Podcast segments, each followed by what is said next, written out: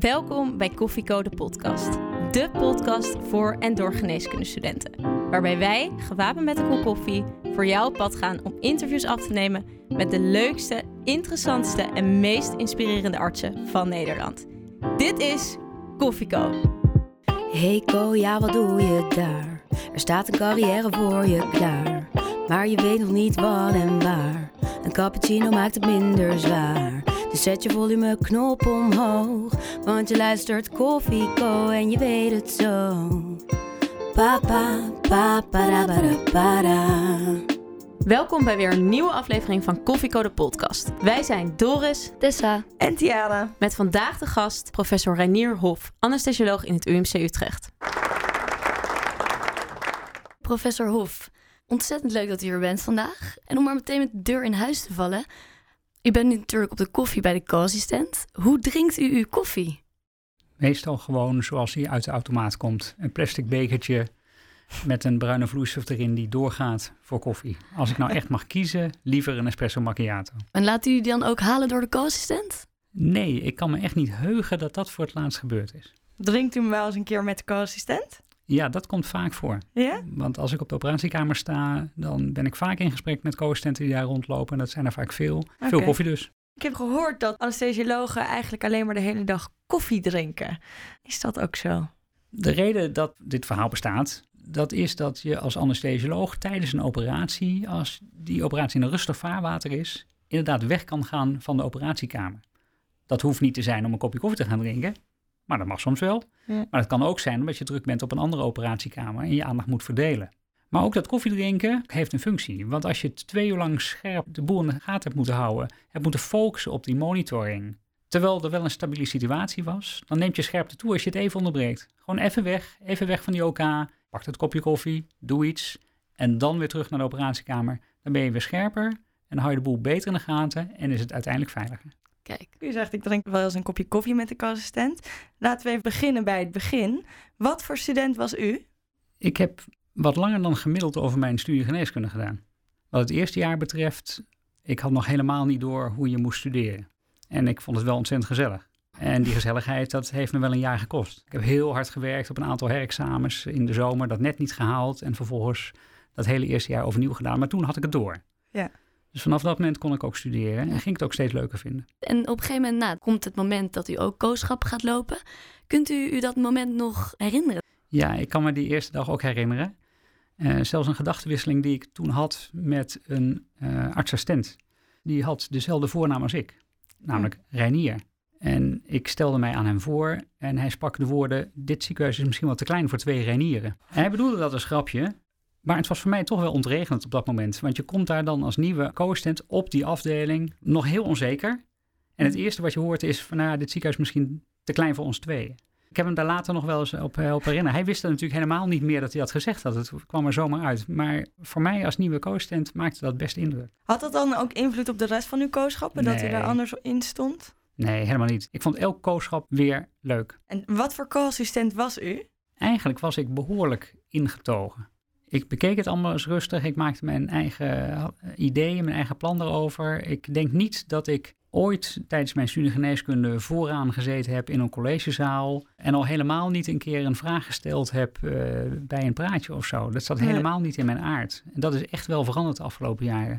Elk eh, congres waar ik kom, elke refereert waar ik ben, zit ik op de voorste rij. Omdat je het beter hoort, meer betrokken bent, makkelijker vragen kan stellen. Maar dat is iets wat ik geleerd heb in de loop van de jaren. Dat had ik als student niet en eh, als, als co-assistent zeker ook nog niet. Dan komt het moment dat u mag gaan kiezen wat voor dokter u wil gaan worden. En dan, dan wordt het toch op een gegeven moment anesthesiologie. Hoe kwam u tot deze keuze? Toen ik aan mijn kooschappen was aangeland, heb ik als eerste eh, keuzevak al vrij snel eh, aan het begin van mijn kooschappen een keuzestage bij de anesthesie gedaan. Vier weken lang. Was het liefde op het eerste gezicht? Absoluut niet. ik, vond, ik vond het saai en ik begreep het ook niet. Ik voelde me ook een beetje ongemakkelijk bij en ik had het gewoon niet door. Waarom saai? Saai omdat ik niet snapte wat er omging in dat hoofd van die anesthesioloog of die artsassistent of die anesthesiemedewerker op het moment dat je voortdurend keuzes moet maken. En van, het lijkt nu heel stabiel op deze operatiekamer, maar moet ik nu wat pijnstillers bijgeven of wat slaapmiddelen bijgeven of juist niet? Als ik te veel geef en de operatie is klaar, duurt het weer zo lang voordat hij wakker is. Ehm, of krijgt hij misschien de bijwerking van medicijnen. Als ik te weinig geef, wordt hij misschien te vroeg wakker. Dat is ook niet handig. En zelfs bij een kleine ingreep bij een volstrekt gezonde patiënt moet je die individuele aanpassing continu doen en je steeds afvragen: ben ik op het goede spoor? En zelfs als het er volstrekt stabiel uitziet voor de buitenwereld, dan nog ben je voortdurend aan het bijsturen. Juist om te zorgen dat het zo stabiel blijft. Maar als co-assistent begreep ik dat niet. Ik had het niet door. En dat heeft voor mij ook later wel de ogen geopend dat je eigenlijk niet kan verwachten van mensen die kijken van een afstandje naar de anesthesie, dat ze echt begrijpen wat er gebeurt. En dat is nog steeds wel de reële situatie. Je kan jarenlang op een operatiekamer werken en eigenlijk niet goed doorhebben wat er aan het hoofdend bij de anesthesie gebeurt. En ik ben daar weggegaan na vier weken kooschap toen met het idee, nou ja, het zal wel een leuk vak zijn, maar voor mij is dit niet. Wanneer is dan dat punt gekomen dat u dat wel besefte? Op het moment dat ik wat later keuzekooschap ging doen op de intensive care. Ik was daar een dagje geweest toen ik bij de anesthesie rondliep. En ik dacht, nou, dit is wel interessant. En, en daar was ik helemaal op mijn plek. Intensive care geneeskunde in Nederland is geen apart specialisme. Dus om daar te komen moet je eerst iets anders gaan doen. Je gaat via de anesthesie of via de interne geneeskunde meestal. Toen ik dus voor die keuze stond, heb ik gedacht, nou ja, dan laat ik dan maar via de anesthesie gaan. Wat voor vak is dat nou? Ja, anesthesie betekent eigenlijk niet voelen. Dus anesthesiologie is dan de wetenschap van het niet voelen. Dat komt van de pijnbestrijding rondom een operatie. Maar anesthesiologie als vakgebied is vele malen breder. Eigenlijk is anesthesie het vakgebied binnen geneeskunde dat zich bezighoudt met de vitale functies. Ademhaling, bloedsomloop, bewustzijn. Het controleren daarvan, het verbeteren daarvan. En dat speelt op een operatiekamer, dat speelt op de spoedeisende hulp, dat speelt op de intensive care.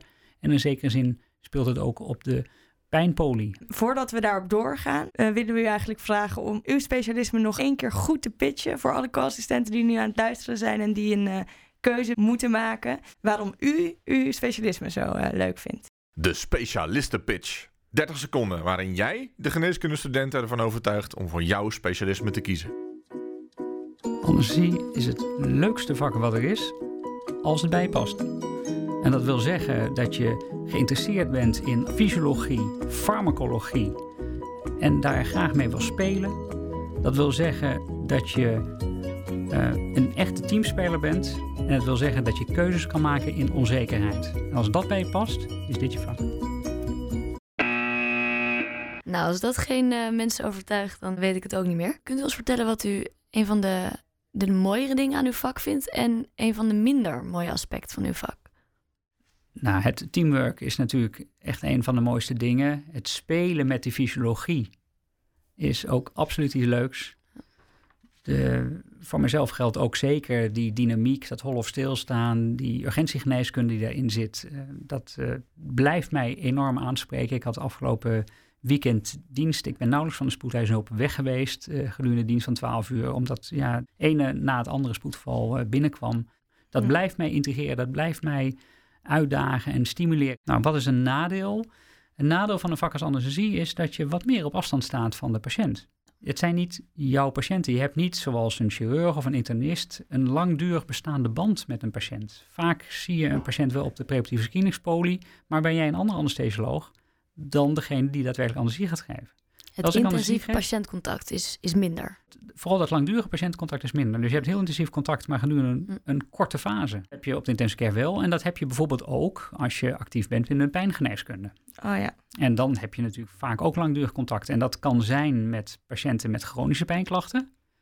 Mm. Maar dat kan ook zijn eh, bij patiënten met oncologische pijn of in, in het kader van de palliatieve zorg. Ook is heel dat, intensief. Is dat nog een onderdeel van de anesthesie waarin u zich ook heeft, verder heeft verdiept? Ik heb na mijn opleiding tot anesthesioloog, die vijf jaar duurt, aanvullend de opleiding tot intensivist uh, gevolgd. Okay. Ik heb daarna tien jaar lang fulltime als intensivist gewerkt, anesthesioloog, intensivist op een neurointensive care. En nu sinds tien jaar sta ik weer terug op de operatiekamer. En ook dat is hartstikke leuk. Mist u het soms nog? De intensive care? Ja. Wat ik wel mis van de intensive care is het hele intensieve contact wat je had met met name dan de familie en zeker in een situatie dat een patiënt komt te overlijden. Die zogenaamde end-of-life care. Als je mm-hmm. heel persoonlijk met elkaar in gesprek gaat en afspraken maakt over hoe je dan kan zorgen dat dit einde wat er komt toch een zo waardevol uh, moment is en een zo waardig mogelijk afscheid. Ja. En de intensiteit daarvan, het persoonlijk contact, dat mis ik nog wel. Al die andere dingen, die samenwerking, dat hol of stilstaan, die spoedeisende geneeskunde, ik heb het allemaal ook op de operatiekamer en de spoedeisende hulp waar ik nu werk. De chronische pijnbehandeling is echt een vakgebied waar ik oppervlakkig iets van weet, maar wat ik echt aan de specialisten overlaat. En ja, het vakgebied anesthesie is zo breed geworden dat je echt moet kiezen in welke richting je verder gaat uh, toelichten. Ook het opleidingsplan waarmee we nu dit jaar van start gaan, een nieuw opleidingsplan, gaat er al vanuit dat je echt in je opleiding, halverwege je opleiding, al gaat voorsorteren in de richting van of als anesthesioloog werken op een operatiekamer, met allerlei deelspecialismen dan, of gaan werken op een intensive care, of de pijnbestrijding. Oké. Je krijgt echt verschillende smaken daarin. Dat vind ik wel een leuk bruggetje naar de, naar de volgende vraag. Want u bent opleider in het UMC. Ja. Hoe ziet de opleiding anesthesie er tegenwoordig uit? U introduceert net al dat er iets aan het veranderen is. En waar selecteren jullie op? Opleiding duurt vijf jaar. En de kern van het opleiden is steeds werken op een werkplek met continue begeleiding. Continue supervisie vanaf dag 1 tot en met de laatste dag. Waarbij het niveau van de supervisie afneemt en je dus steeds meer dingen zelfstandig leert doen. Je krijgt voortdurend feedback, je wordt voortdurend beoordeeld, er worden voortdurend uh, zaken verzameld in je portfolio. Dat doe je ook zelf uh, als assistent. En in toenemende mate gedurende de opleiding ben je zelf steeds meer in controle. Het is jouw opleiding. We hebben op dit moment 57 assistenten in Utrecht een opleiding tot anesthesioloog. En ik denk dat ze alle 57 zullen zeggen dat het hun eigen opleiding is en die altijd net weer een beetje anders is dan van een ander. En dan werkt het ook het best. Nou, hoe kom je daar binnen? Ja, de selectie. Wat is belangrijk bij de anesthesie? Wij kijken eigenlijk altijd naar drie zaken. Eén is motivatie, twee is ervaring, drie is bijzonderheden. Ik zal ze nader toelichten. Motivatie is, ja, waarom wil je dit vak doen? Maar ook waarom zou ik jou willen in dit vak? En motivatie is iets wat je opschrijft in je brief. Maar dat moet overeenstemmen met wat er in jouw curriculum vitae staat. Als jij vertelt dat jij heel je leven lang al anesthesioloog wil worden, dat geldt voor mij persoonlijk dus niet, hè, maar dat, je kan maar een eerdere roeping hebben. Ja. Als dan blijkt dat je allerlei stages gedaan hebt bij allerlei andere vakken, die niets met anesthesie te maken hebben, dan heb je een inconsistentie. Dat is dan Ja. moeilijk uit te leggen. Het kan best zijn dat je eerst iets anders van plan was te doen. Dat is helemaal niet erg. Stel, je wou eerst kinderarts worden, niet gelukt, dan moet je overschakelen. Als je dan maar helder kan uitleggen waarom dat dan zo is. Dus motivatie, daar begint het mee. Nou, dan ervaring. Wij nemen bijna nooit mensen aan die niet eerder al klinische ervaring hebben. Het is ontzettend waardevol voor een anesthesioloog in spe. Dus als je als arts echt verantwoordelijkheid hebt voor een patiënt op die afdeling, als je moet gaan samenwerken met het verpleegkundig team, met de fysiotherapeut en dergelijke, op welke afdeling dan ook. Heel veel van onze assistenten doen eerder ervaring op, op bijvoorbeeld een afdeling intensive care of bij de longziekte of de cardiologie. Eigenlijk alles is goed als je maar echt die ja. professionele ervaring doet. Ja. En inderdaad wel klinisch professionele ervaring. En het derde is dan, wat maakt je bijzonder? Nou, het kan zijn dat je tijdens je opleiding al onderzoeksactiviteiten ontplooid hebt, dat je misschien al gepromoveerd bent. Nou, dat is dan een pre, want dan heb je laten zien dat je dat kan. Maar het is voor ons binnen Anesthesie absoluut niet een voorwaarde dat je per se een wetenschapper bent, laat staan dat je gepromoveerd bent. Dat mag en dat is prima en als je dat gedaan hebt, hartstikke goed. Maar als je nou een heel andere weg gegaan bent en je hebt bijvoorbeeld heel veel vrijwilligerswerk gedaan, zaken georganiseerd, laten zien dat jij dat kan, dan is dat ook Ja. een pre. En dat is echt heel, iets heel anders.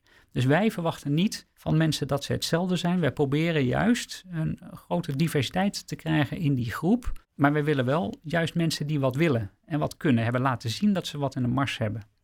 Kunt u een, een, voorbeeld geven van iemand die u recentelijk heeft aangenomen die iets bijzonders had? Die, waarvan u dacht, ja, dit, dit is wat anders dan een normaal cv die ik normaal zou aannemen?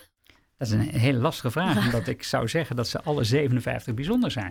Nou, dat is... We hebben een assistent, te die, zit, is nu al een paar jaar bezig. Die heeft inderdaad allerlei vrijwilligerswerk gedaan, georganiseerd. Die organiseerde fietstochten in het Amazonegebied voor het goede doel. Nou, dat is bijzonder. We hebben mensen die eh, eh, heel actief zijn eh, op, op sportgebied. We hebben een assistent eh, gehad die Nederlands kampioen was, halve marathon. Als je dat soort dingen kan, heb je ook iets laten zien. Ja. We hebben mensen die actief zijn op het gebied van muziek, maar juist ook wetenschappers. Een aantal assistenten die al gepromoveerd waren voordat ze in opleiding kwamen. Ja, ook prima. Een grote diversiteit. Als ik dit zo hoor, klinkt het echt best wel buitengewoon. Kunt u dan ook zeggen dat het eigenlijk echt moeilijk is om binnen te komen bij anesthesiologie? Of valt dat dan wel mee? We krijgen ongeveer tien keer meer sollicitatiebrieven dan dat we plaatsen hebben. Wauw. En dat wil zeggen, hè, we hebben ongeveer eh 10 plaatsen per jaar. Vorig jaar hadden we 140 brieven. Bij een sollicitatieprocedure valt dus het grootste deel af. En eerlijk gezegd denk ik, als ik 50 of 60 brieven op mijn bureau heb liggen en die allemaal bekeken heb samen met de collega's van de sollicitatiecommissie, dat van die 50 of 60 uh, personen die achter die brieven schuil gaan, is waarschijnlijk de helft wel geschikt om anesthesioloog te worden. En uh, een derde zou dat gewoon echt helemaal prima doen. En toch nemen we daar maar een kleine minderheid van aan, omdat we maar een beperkt aantal plaatsen hebben. Ja. En ja, het is dus lastig om daar binnen te komen. En als je dat wil, dan moet je ja, een helder beeld voor ogen hebben waarom je dat wil en ook zorgen dat je er gaat komen. Ja. Ik vind het echt een heel duidelijk, uh, duidelijk beeld wat u uh, heeft. Oh. Oh. Ja. De co-telefoon. Zoals jullie al horen, daar is hij, de co-telefoon. Dit is een uh, vraag ingestuurd van um, ja, een van onze luisteraars. Uh, aan u, professor Hof. Die luidt als volgt. Bent u zelf wel eens onder narcose geweest en hoe heeft u dat ervaren?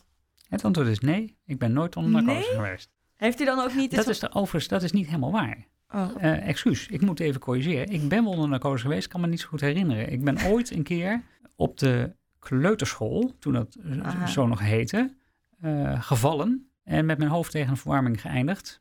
En dat leverde zo'n uh, jaap in mijn voorhoofd op dat dat inderdaad uh, gehecht is. En daarvoor ben ik wel degelijk even onder anesthesie gebracht. Ja. En ik kan me daar niets meer van herinneren dan dat ik op een gegeven moment een zwart uh, maskertje boven mijn hoofd zag. En dat Ja. is ook mijn laatste herinnering daaraan. Dat heeft geen blijvende indruk gemaakt, behalve dit dus. Bent u dan nu niet heel erg nieuwsgierig? Want u, doet, u bent er elke dag mee bezig. En toch weet u niet echt hoe het is.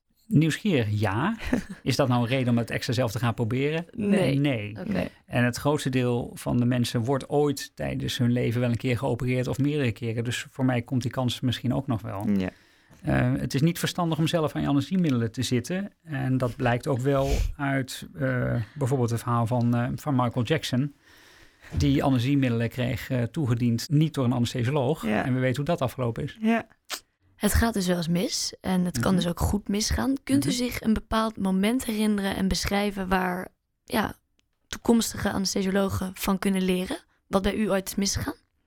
Ik zeg tegen mijn assistenten uh, vaker op het moment dat we in gesprek zijn over, nou ja, bijvoorbeeld een complicatie of, of een of andere dramatische situatie waar ze in terecht gekomen zijn. Een patiënt die hartstikke ziek binnenkwam, waar ze alles geprobeerd hebben om de patiënt te redden en dat dan toch niet gelukt is.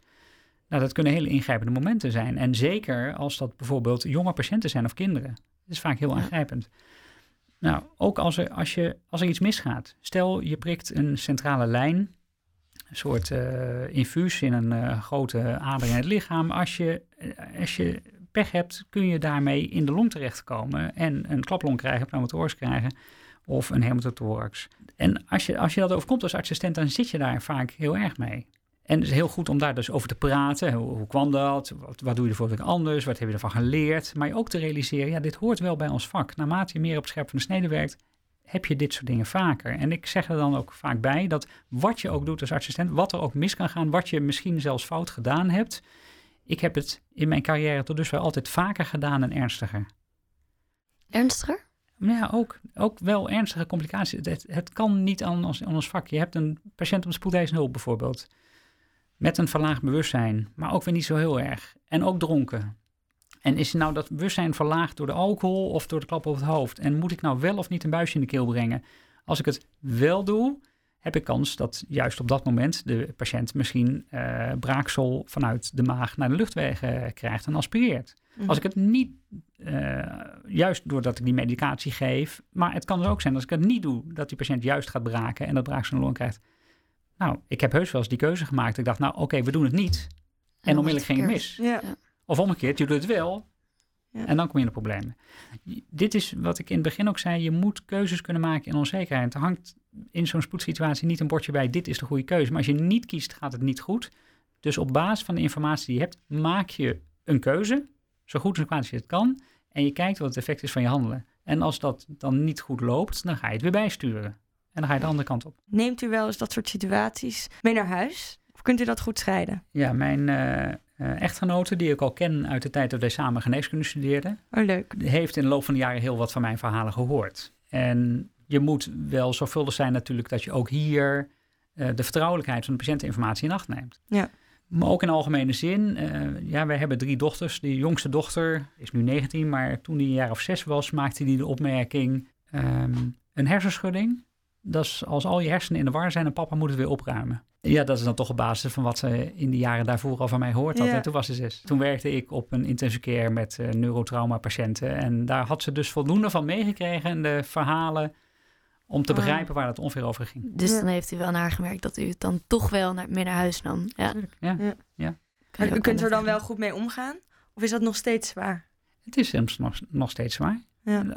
Ik, ja, zo zegt, afgelopen zondag ehm, had ik dienst. Eh, heb ik het grootste deel van die, van die, eh, die 12 uur dienst doen, eh, doorgebracht op de spoedeisende hulp. En eh, twee van die patiënten waarmee ik bezig ben geweest eh, zijn overleden. Eén diezelfde dag, eh één de dag daarna. Als je dat niet meer voelt, dan heb je ook echt iets verloren, iets van jezelf. Dus je moet het wel voelen, maar ook eh, door kunnen gaan met adequaat handelen. Ja. En als je bezig bent met een heel zieke patiënt, dan helpt het wel enorm als je als anesthesioloog je hoofd kalm houdt en zorgt dat de zaken gedaan worden die gedaan moeten worden. En je hebt het grote voordeel dat je een vakgebied hebt, anesthesiologie, wat gaat over vitale functies. Dus als anesthesioloog in een spoedsituatie doe je datgene wat je altijd doet. Ja.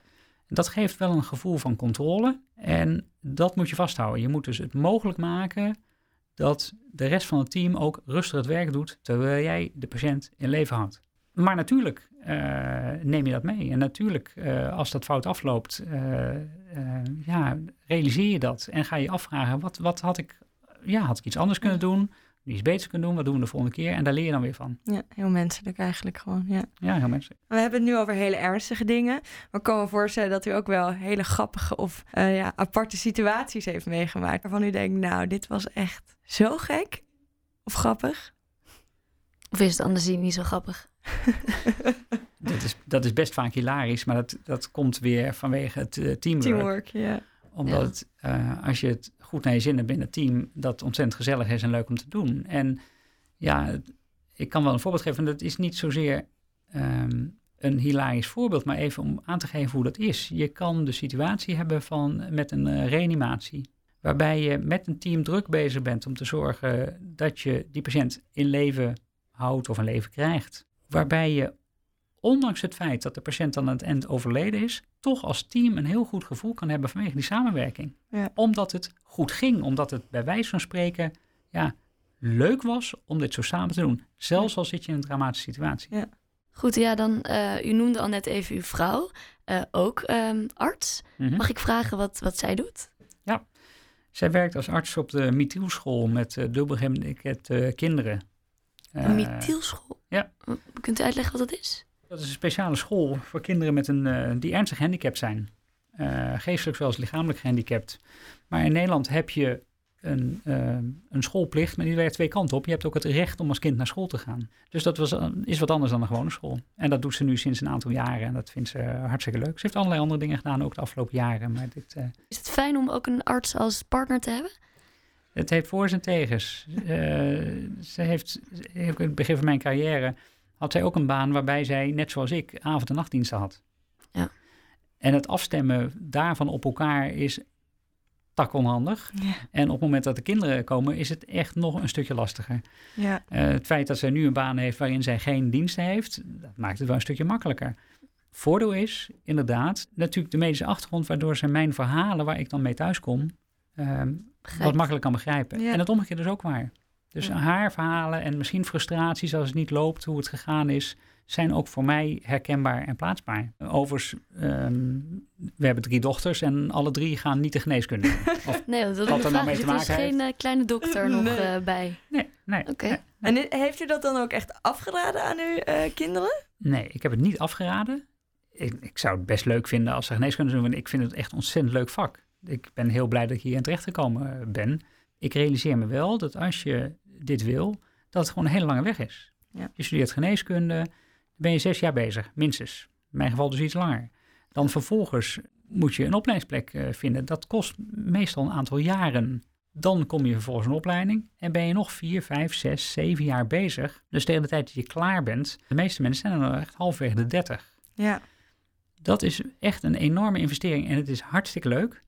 En natuurlijk op het moment dat je werkt als artsassistent of als onderzoeker heb je gewoon een baan. Maar het is wel echt eh, een enorme investering om daar te komen waar je, eh, ja, waar je dan naartoe wil. Nou, het vergt wel echt een eh, grote toewijding. Ja, en het is lastig op het moment dat je dat wil combineren met bijvoorbeeld gezin. Ik was zelf, toen ik een opleiding was, een van de eerste assistenten die parttime ging werken tijdens de opleiding. Okay. Ik ging met lood in mijn schoenen naar mijn toenmalige opleider. Ik dacht, ja, als, als, als man nog wel. Ja, hè. Hoe ging dat? In, die tijd, we praten dus jaren negentig. Um, en dat was helemaal niet gebruikelijk dat er parttime gewerkt werd in de, in de opleiding. En mijn opleider reageerde daar heel soepel op. Die vond het helemaal geen probleem. Had er verder niet zo hard over nagedacht, maar die vond dat helemaal prima. Oh, wow. En um, ook ja, nu ik zelf opleider ben, ik uh, heb de afgelopen jaren het parttime werken gefaciliteerd en gestimuleerd. En nu sinds een paar jaar verplichten we het zelfs. We laten gewoon alle okay. assistenten, laten wij 80 of 90 procent werken, zodat je tenminste één dag in de week of één dag in de twee weken hebt om ook iets anders te doen. Dat kan ja. zijn voor je gezin natuurlijk, maar dat kan ook gewoon zijn omdat je een keer een boek wil lezen of omdat je een keer naar een museum wil of doe iets leuks, whatever. Ja. En dat helpt. Dus, dus als je work-life balance beter is, word je een betere dokter. Uh, u bent hoofdopleider. Mm -hmm. En nu ben ik heel benieuwd, hoe ziet u uw vak over 20 jaar of de opleiding over 20 jaar? Nou, de anesthesioloog wordt steeds meer een perioperatief specialist. Dus iemand die zich bezighoudt met het hele proces rondom die operatie van tevoren en na de hand. Dus ook in toenemende mate betrokken bij de zorg na de operatie, als de patiënt al op de afdeling ligt of op intensive care, om te zorgen dat de zaak goed op de rails blijft. En dat geïndividueerd bijsturen van die behandeling, multidisciplinair, hè, in afstemming met allerlei andere dokters en uh, verpleegkundigen en fysiotherapeuten, diëtisten, et cetera, ook dat is toenemende, in toenemende mate het werk voor de anesthesioloog. En de tweede grote verandering die eraan zit te komen, en daar zitten we al middenin, is dat er steeds meer andere zorgprofessionals zijn die een deel van die anesthesiologische zorg doen. Dus je hebt physician assistants en nurse practitioners en, en met anesthesiemedewerkers natuurlijk. We hebben anesthesiemedewerkers die zich helemaal toegelegd hebben op het inbrengen van uh, centrale lijnen. We hebben anesthesiemedewerkers die zich toegelicht hebben op het doen van preoperative screening.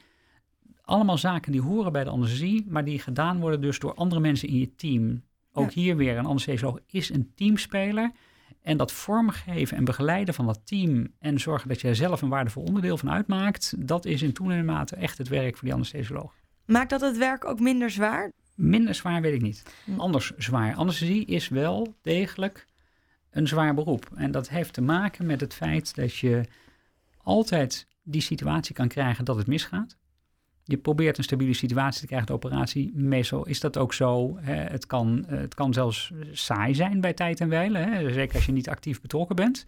Lijkt alsof er niks gebeurt. En van het een op het andere moment, of bij de volgende patiënt, gebeurt er toch iets. Ja. Of je bent rustig bezig op de operatiekamer en je krijgt een oproep voor een reanimatie of voor een trauma.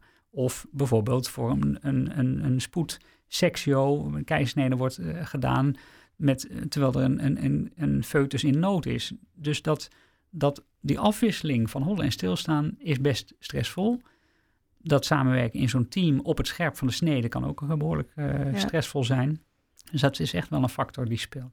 Hoe zit het eigenlijk met de verhouding man-vrouw binnen de anesthesie? Nou, van oudsher zijn er veel vrouwen werkzaam binnen de anesthesie.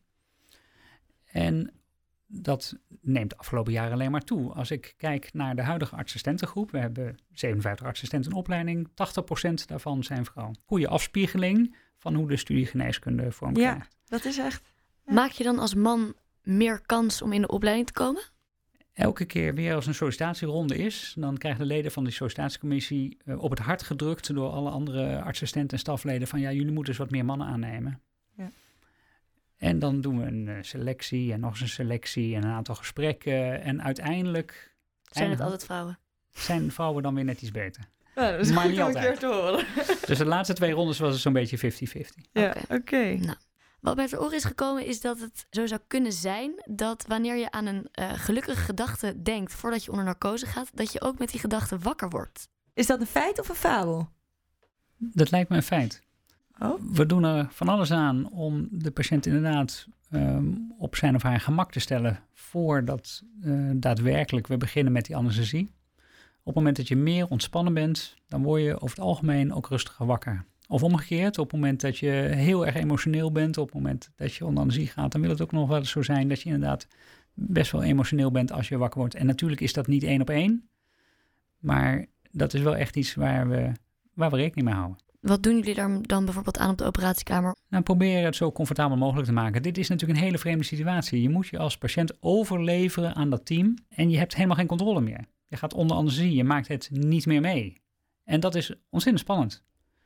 Dus wat je wil dan toch zeker is dat je vertrouwen kan hebben in de mensen om je heen. Dat ze uh, goed met je, uh, met je omgaan. Dat ze zorgvuldig voor je zullen zorgen. Dat ze op alles zullen letten. Dat ze aandacht voor je hebben als persoon ook.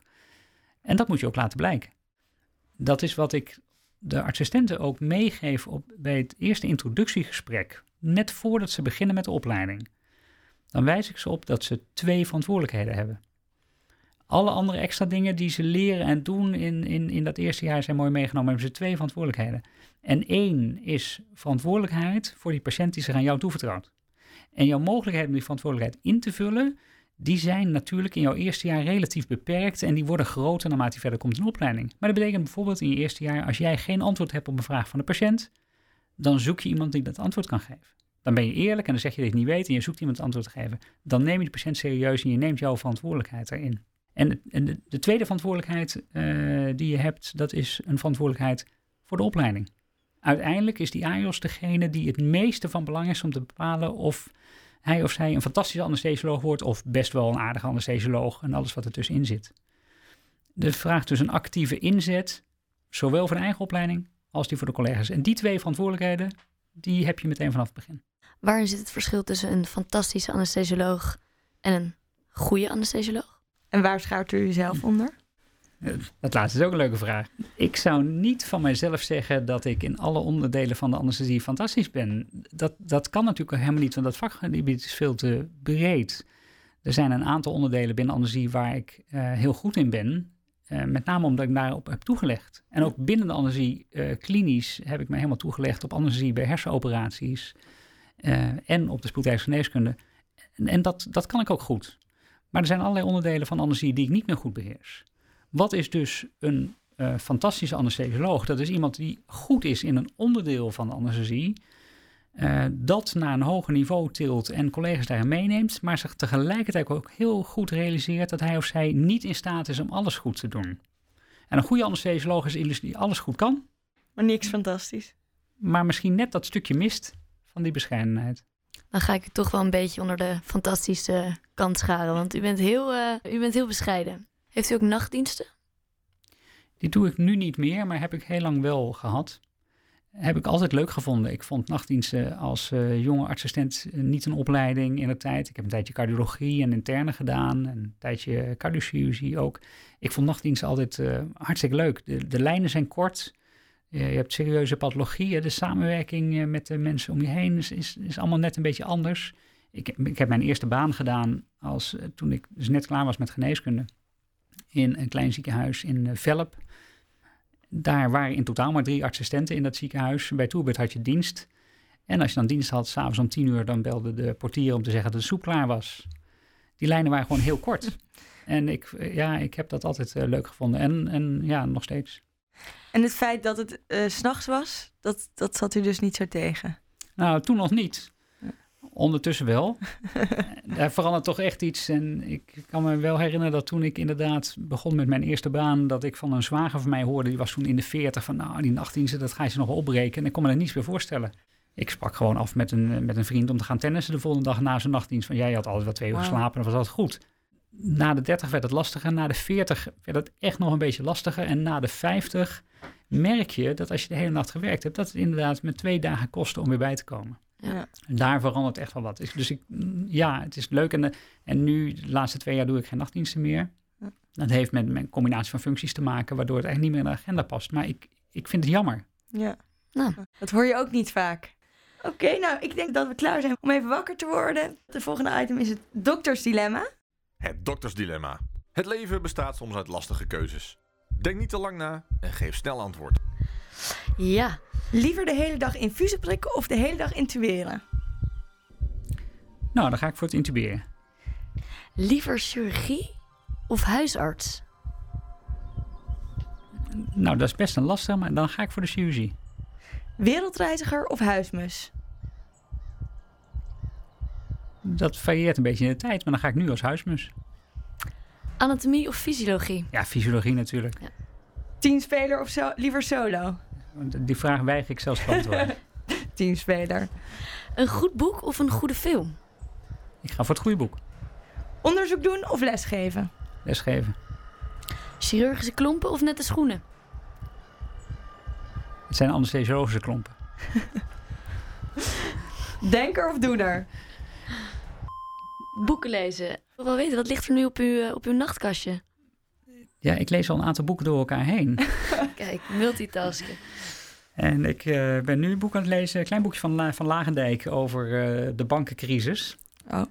En eh, hiervoor was een vergelijkbaar boek, dat heet The Price of Inequality van Joseph Stiglitz. Dat is een Amerikaanse econoom, heeft ooit een Nobelprijs gekregen. En dat gaat over wat we op onszelf afroepen doordat we de ongelijkheid in de wereld zo uit de pas laten lopen. Dat de rijkdom die we met z'n allen vergaren in handen van een heel klein groepje mensen valt en de, de problemen die dat oplevert. Dus dat is een interessegebied wat buiten geneeskunde ligt, maar natuurlijk altijd daar ook raakvlakken mee heeft. En daar Ja. gebruikt u dan die 10% part-time voor. En, eh, ja, ook, die eh, 10% part-time ben ik zelf ergens along the way verloren. Dat is een beetje scheef. dus eh, ja, maar ik heb zo'n leuke baan met zoveel leuke dingen erin. Daar krijg ik zoveel energie van. Ja, het is echt aan u te zien dat u het heel leuk vindt wat u doet. Dus, Absoluut eh. Kunt u zich wel op andere manieren ook ontspannen, behalve de boeken? Doet u ook aan sport of andere hobby's? Ja, ik eh, fitness twee keer in de week. Op eh, dinsdagochtend voor het werk uit, heel vroeg. Op zaterdagochtend eh, voordat, eh, voordat de rest wakker wordt.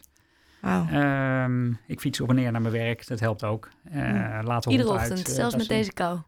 Ja, iedere ochtend. Als je dat dan maar altijd doet, dan is het gewoon. hè, je moet er niet over nagaan denken dat het niet leuk is in de regen of zo, of in de sneeuw. Dat- Ik vind het namelijk ook niet leuk, maar als je het nou maar altijd doet, dan gaat het. doe je dat dan op zo'n snelle fiets of is het een... Elektrisch. Je bedoelt elektrisch?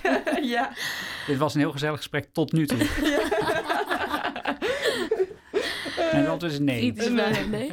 Nee, gewoon op de, Ja. op de normale... Niet op een racefiets. En ook niet op een Oké, racefiets. gewoon Nee. op een normale fiets. Ja. Nou, dat weten we dan ook nu over professor Hof. We eindigen eigenlijk altijd met de laatste tip voor de co-assistent. Ehm, wat wilt u de toekomstige dokters meegeven?